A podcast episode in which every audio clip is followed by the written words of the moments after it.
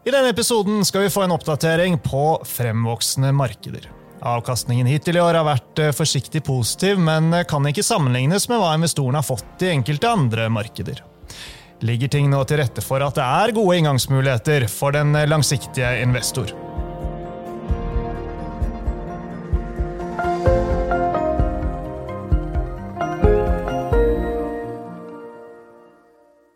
Velkommen til eh, Utbytte, DNB-podkasten der vi forklarer hva som skjer i den globale økonomien og finansmarkedene.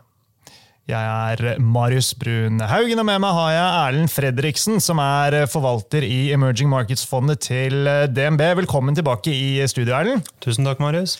Det er uh, tirsdag 27. juni når vi sitter her og spiller inn uh, dette. Men uh, når dere lyttere hører det her, så er vi antageligvis et godt stykke ut i sommerferien. Men det sagt, så skal vi prøve å holde det forholdsvis lange blikket i denne episoden så godt det lar seg gjøre. Og Jeg tenkte å starte med en kikk på Morgan Stanleys Emerging Market Index. Den er opp Eh, rundt 4% hittil i år, Erlend. Så det er dessverre mer på linje med Oslo Børs da, enn eh, f.eks. Nasdaq 100-indeksen, som jo er opp nesten 40 eh, når vi sitter her. Så avkastningen er ikke negativ, men hva er det som gjør at det har vært krevende å finne avkastning i emerging markets i år? Det, det så jo så lovende ut når vi satt der ved inngangen til året. Ja, det, Vi var nok mer optimistiske tidlig i år enn det vi har blitt i løpet av året. Vi eh, var jo svært positive til, til, Kina på starten av året. Vi trodde jo at dette skulle være en starten på en vekst, eh, ny vekstsykkel for Kina. I tillegg så tenkte vi at det ville, ha, eh, ville påvirke også andre fremvoksende nasjoner og, og markeder. Og veksten for Kina, altså dvs. Si avkastningen for kinesiske selskaper fra november fram til januar, var jo veldig god. Og så stoppet det helt opp. Og vi ser jo nå at Kina sliter med svake produksjonstall, eh, lavt forbruk, dårlige eh, salgstall og høy arbeidsledighet blant unge. Og Det er jo klart at det er en cocktail som ikke er spesielt positiv. Og vekst, just, Vekstanslagene justeres nedover.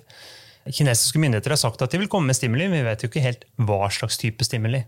Så det, det, venter vi jo spent på å se, men, men, noe må de komme med. For veksten er, er eh, svakere enn en både ønsket og ventet. Mm, ja. Vi skal komme tilbake til uh, dette med stimulanser. Uh, det blir en del Kina i praten i dag, det er ikke til å komme utenom. Uh, men før det, altså, hvis vi ser på fremvoksende markeder og hva det har gitt av avkastning over de siste 15 årene, målt med denne samme Morgan Stanley Emerging Market-indeksen, det, det, er flatt. Har du noen forklaring på det? Jeg får dette spørsmålet flere ganger. Altså, henger det i hop med selskapenes inntjening, eller er det, er det, mer komplisert enn som så? Eh, ja, det er nok eh, mer komplisert enn som ja, så. Det er som regel det. Men eh, hvis du ser tilbake til 2008, så vi jo, har vi jo nettopp vært gjennom en, en råvaresykkel som var veldig sterk. og den, den styrket nok fremvoksende markeder i betydelig større grad enn en utvikla markeder. Og utvikla markeder handla vel eh, eller ut, altså Fremvoksende markeder handla vel på en multiple ehm, Altså på en høyere multiple enn utvikla markeder. Og det har vi vel ikke sett siden. Mm. Du har fått en kraftig rabatt i etterkant. Eh, og den rabatten der er fremdeles over 30% mellom 30 og 40% Og selskapene gjør det relativt bra, men det er klart at disse er jo regionale selskaper. Det er jo gjerne nasjonale selskaper. Mange av de selskapene som vi investerer i, er veldig store nasjonalt eller regionalt, men ikke verdensomspennende. Og, og det gjør jo at du jeg, ikke, jeg, kan ikke si at du mangler begrensninger. Mange av de selskapene er veldig flinke til å, til å, eh, til å vokse i ulike segmenter og finne nye inntektsstrømmer. Eh, men, men, så skal man ikke også se bort fra at en del av eh, politisk risiko, altså politisk risiko har vært med på å bidra til, til en ja, mindre gunstig utvikling for, for markedene vi følger. Mm, mm.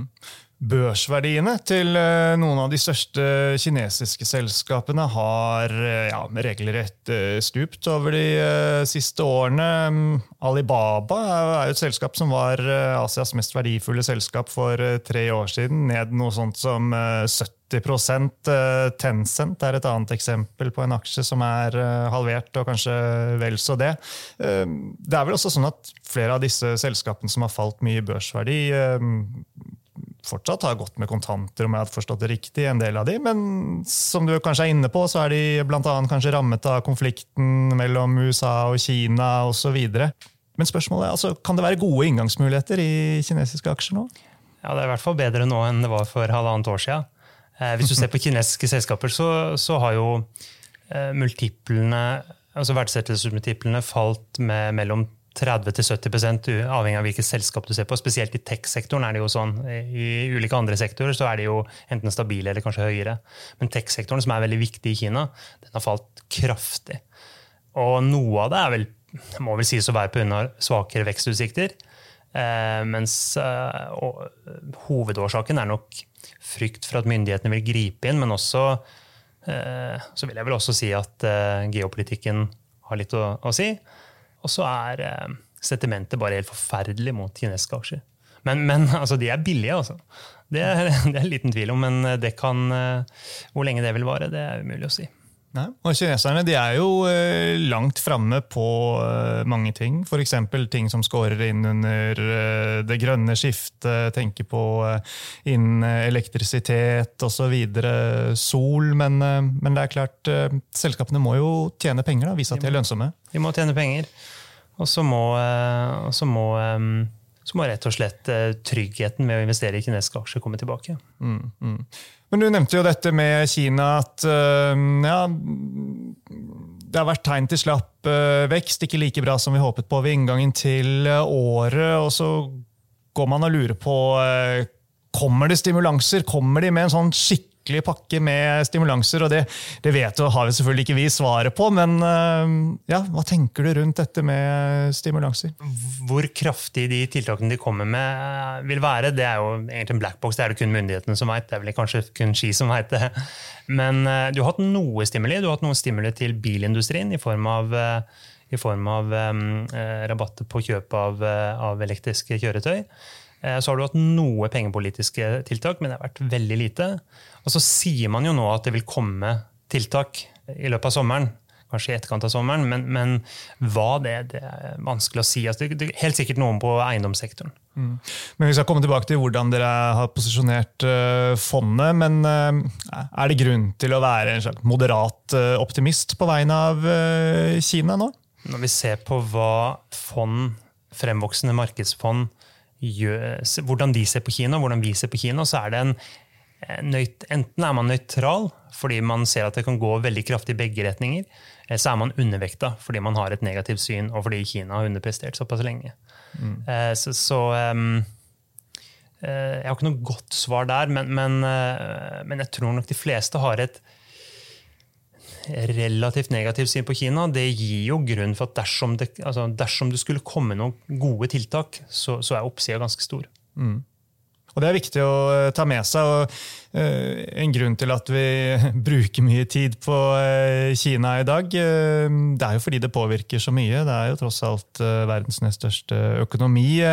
Men det er klart, hvis veksten i Kina ikke blir det som vi har håpet på, så vil det også gjøre noe med vekstprognosene og, veksten i, mange av landene rundt da, i resten av Asia. Hvilke tanker har du rundt det? Ja, det påvirker bl.a. råvareprisene. og Det påvirker jo ikke bare asiatiske land, men også andre markeder som vi dekker, som f.eks. Sør-Amerika.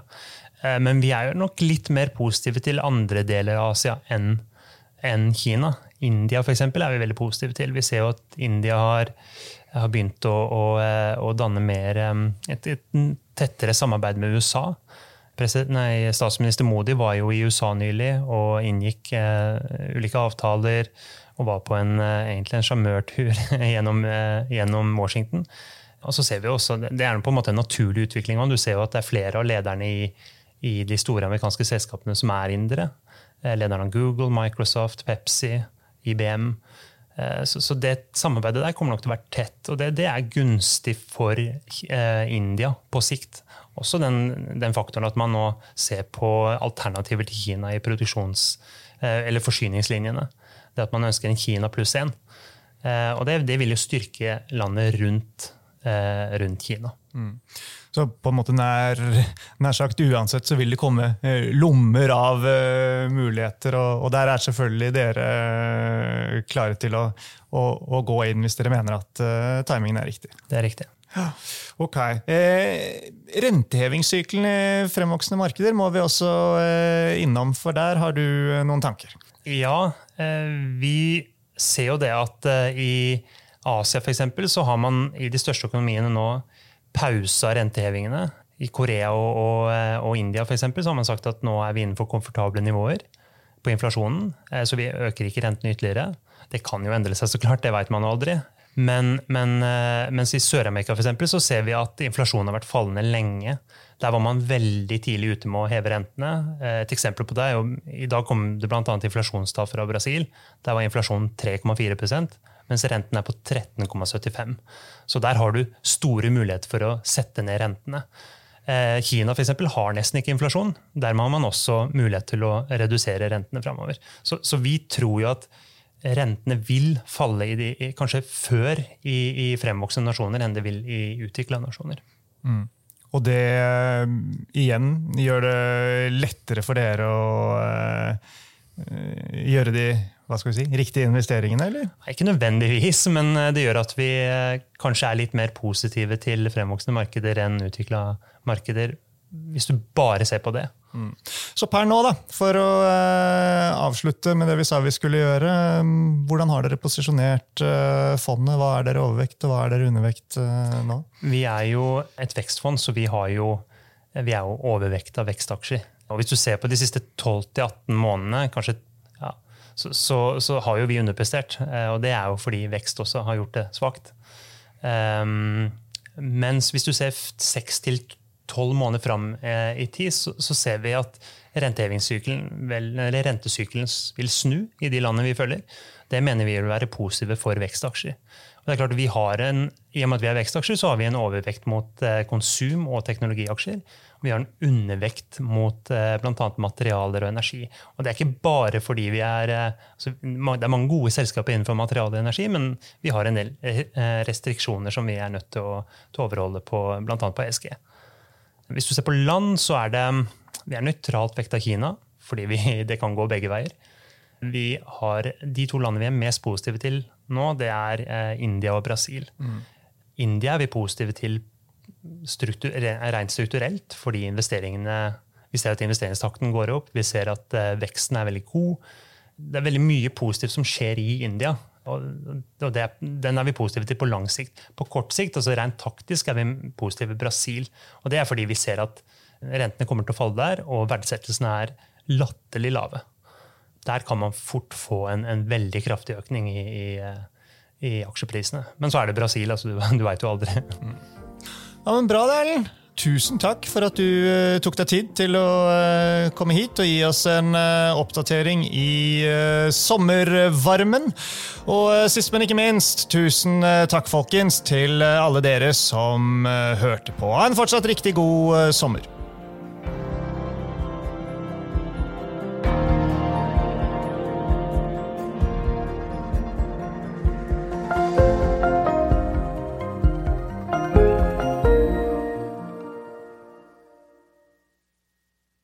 Denne sendingen ble publisert i podkasten Utbytte. Innholdet i sendingen er å anse som markedsføringsmateriale fra DNB og er ment å være generell spareveiledning. Sendingen skal ikke oppfattes som et tilbud om å kjøpe eller selge finansielle instrumenter, eller som investeringsrådgivning tilpasset den enkelte investors situasjon. En investor som har behov for råd eller har spørsmål og informasjon som gis, bør kontakte en finansrådgiver. DNB påtar seg ikke noe ansvar verken for direkte eller indirekte tap som følge av innholdet i sendingen legges til grunn for eventuelle investeringsbeslutninger. Husk at historisk avkastning aldri er noe garanti for fremtidig avkastning. Avkastningen kan bli negativ som følge av kurstap. Bruk av prognoser for å beregne fremtidig avkastning er heller ingen garanti for fremtidig avkastning. Innholdet i sendingen bygger på informasjon fra offentlig tilgjengelige kilder som DNB ser på som pålitelige, men som ikke er uavhengig verifisert.